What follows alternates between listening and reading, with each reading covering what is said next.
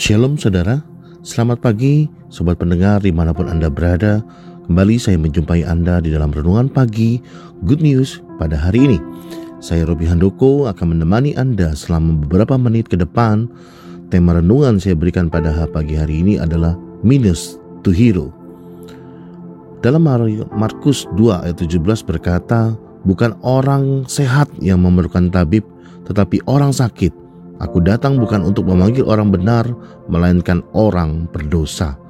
Betapa seringnya kita melihat orang-orang yang tidak disangka-sangka kemudian dipakai Tuhan secara luar biasa. Bisa jadi mereka dulunya adalah orang-orang jahat, pendosa dengan catatan masa lalu yang sangat kelam.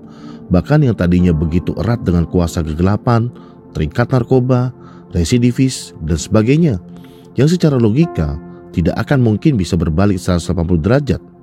Tetapi Saudara tahu bahwa kita terkejut melihat transformasi yang terjadi atas diri mereka. Bisa jadi pola mereka tadinya kita kenal sebagai orang yang penuh kelemahan, tidak berani tampil di muka umum, tidak pandai berbicara, bukan orang yang peduli, punya inisiatif dan sebagainya. Tetapi kemudian mereka tampil melayani Tuhan dengan hebat dan luar biasa. Manusia memang sering mengukur dari kemampuan individu, saudara. Dalam dunia pekerjaan pun, orang-orang yang dipilih adalah yang dipilih kerja biasanya adalah orang-orang yang dianggap punya kemampuan menonjol, punya pengalaman segudang atau punya gelar bertumpuk. Tetapi anehnya, Tuhan justru memilih orang-orang yang biasa, orang-orang yang mungkin tidak menonjol, bahkan mungkin tidak berguna dalam pandangan manusia untuk dipakai secara luar biasa. Kita menemukan begitu banyak orang-orang seperti ini dalam Alkitab dan ini pun masih berlaku hingga pada hari ini loh saudara. Karena orang-orang biasa itu diubahkan lalu dipakai melakukan hal-hal luar biasa untuk Tuhan. Tuhan sangat suka melakukan itu saudara. Ada banyak tokoh yang dipakai Tuhan secara luar biasa itu bukanlah berasal dari orang-orang yang punya latar belakang hebat. Saudara tahu bahwa ada sebuah tokoh namanya Edson Arantes do Nascimento atau lebih dikenal sebagai Pele saudara seorang pemain bola yang luar biasa. Pada Piala Dunia Swedia tahun 1958, pada usia 17 tahun, debutan berhasil itu membuat dunia terpengaruh. Ia mencetak gol pertama dalam laga perempat final melawan Swedia saat itu. Lalu dia hat-trick dalam laga semifinal melawan Perancis. Penampilannya bak pemain senior yang terampil. Seorang pahlawan bola telah lahir saat itu. Lalu dalam Alkitab, Musa mengaku sebagai orang yang tidak pandai berbicara, berat mulut dan berat lidah dalam Keluaran 4 ayat 10. Tetapi lihatlah bagaimana hebatnya ia kemudian memimpin bangsa Israel yang tegak tengkuk selama 40 tahun. Satu contoh lagi adalah Daud. Daud adalah anak yang masih kemerahan dalam 1 Samuel 17 ayat 42. Ketika dia dipilih untuk menjadi raja, bahkan dia pula yang terampil untuk melawan Goliat, raksasa dengan perlengkapan perang lengkap dan bukan seorang ahli perang, bertubuh sama besarnya atau pintar menyusun strategi. Yefta adalah anak pelacur dalam Hakim-Hakim 1 ayat 11, seorang anak yang berasal dari keluarga broken home yang terbuang dari keluarga dan masyarakat, tapi kemudian ia bisa dipakai Tuhan sebagai pahlawan. Jangan juga lupakan pola sosok Paulus yang tadinya dikenal sebagai pembantai orang Kristen, kemudian bisa berubah menjadi tokoh yang dikenal sangat radikal dan total dalam menyampaikan firman Tuhan hingga ke Asia sekalipun. Setelah diubahkan dan dipakai Tuhan, Paulus tidak lupa diri, ia tetap sadar akan status masa lalunya dan tetap bersyukur bahwa ia diselamatkan bahkan dipilih untuk melakukan sebuah pekerjaan mulia. Ia mengatakan karena aku adalah yang paling hina dari semua rasul, sebab aku telah menganiaya jemaat Allah. Dari pandangan manusia mungkin seperti itulah adanya dia tadinya adalah seorang yang kejam, pelaku kejahatan terhadap orang percaya. Paulus sadar betul akan masa lalunya dari orang yang kejam dan jahat lalu bertobat, diubah dan berbalik total dari Saulus menjadi Paulus. Itu bukanlah karena kehebatannya saudara, melainkan berasal dari kasih karunia Tuhan yang tidak akan pernah sia-sia dan akan selalu menyertai dirinya dalam menjalankan misinya. Paulus tidak akan pernah berhenti bersyukur setelah diselamatkan dan dipilih Tuhan. Untuk itu dia menyerahkan seluruh sisa hidupnya untuk pekerjaan Tuhan, apa pun resikonya dengan penuh sukacita. Tuhan mau pakai orang-orang biasa seperti Anda dan saya untuk melakukan pekerjaannya.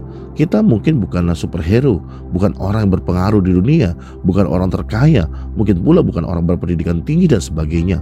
Mungkin masa lalu kita kelam, penuh dosa. Mungkin kita beranggapan kita tidak ada apa-apanya dan sama sekali bukan dalam kapasitas atau pada tempatnya untuk bisa dipakai Tuhan. Mungkin kita berpikir bahwa kita mudah takut, penuh kelemahan dan sebagainya. Oh, tetapi Tuhan tetap bisa memakai saya dan saudara. Dan Tuhan sering melakukan hal itu. Mengapa? Lihat apakah Tuhan apa kata Tuhan dalam 1 Korintus 1:25 sebab yang bodoh dari Allah lebih besar hikmatnya daripada manusia dan yang lemah dari Allah lebih kuat daripada manusia. Di tangan Tuhan orang-orang biasa yang penuh kelemahan bisa diubahkan menjadi luar biasa. Sejak zaman dahulu hingga hari ini kita terus melihat bagaimana firman itu dinyatakan. Paulus punya catatan masa lalu yang suram, tokoh-tokoh besar dalam Alkitab pun sama seperti kita merupakan manusia biasa yang punya keterbatasan. Kelemahan, punya rasa takut, pernah mengalami putus asa, kesepian, dan lain-lain. Tapi jika Tuhan bisa mengubah dan memakai mereka secara luar biasa menjadi siapa mereka seperti yang kita kenal hari ini, mengapa tidak bagi kita? Sebab firman Tuhan berkata, sebab tetapi apa yang bodoh bagi dunia, dipilih Allah, dipilih Allah untuk memalukan orang-orang yang berhikmat.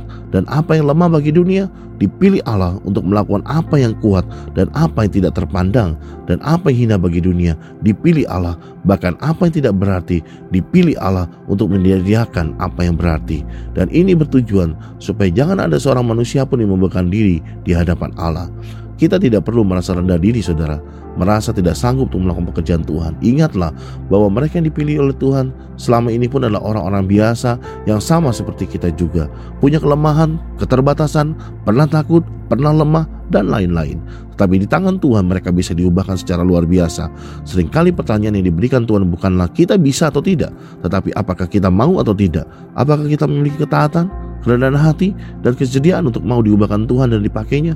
Maukah kita melayani Tuhan menjadi perantara agennya di dunia ini menjadi terang dan garam, memberkati orang-orang di sekitar kita, kesediaan kita, dan bukan kehebatan kita.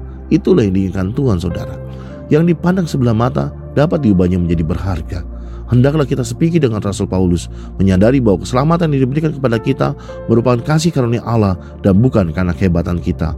Bersyukurlah senantiasa untuk itu dan memanfaatkanlah untuk mewatakan firman Tuhan membawa berkat bagi orang lain. Dengarkanlah panggilan Tuhan bagi Anda dan lakukan bersama-sama dengan Tuhan yang akan selalu menyertai diri Anda. Jika Paulus bisa melakukannya, kita pun bisa karena bukan karena kehebatan kita, tetapi kasih karunia Tuhanlah yang memampukan semua itu. Demikianlah doa pada pagi hari ini. Tuhan memberkati saudara semua dan sampai jumpa dengan renungan-renungan dari hamba-hamba Tuhan yang lain. Kuatkan imun, kuatkan iman, and never never give up. God bless you. Terima kasih saudara sudah bergabung bersama keluarga besar GSA Yesus Kristus. Sampai jumpa, Tuhan memberkati.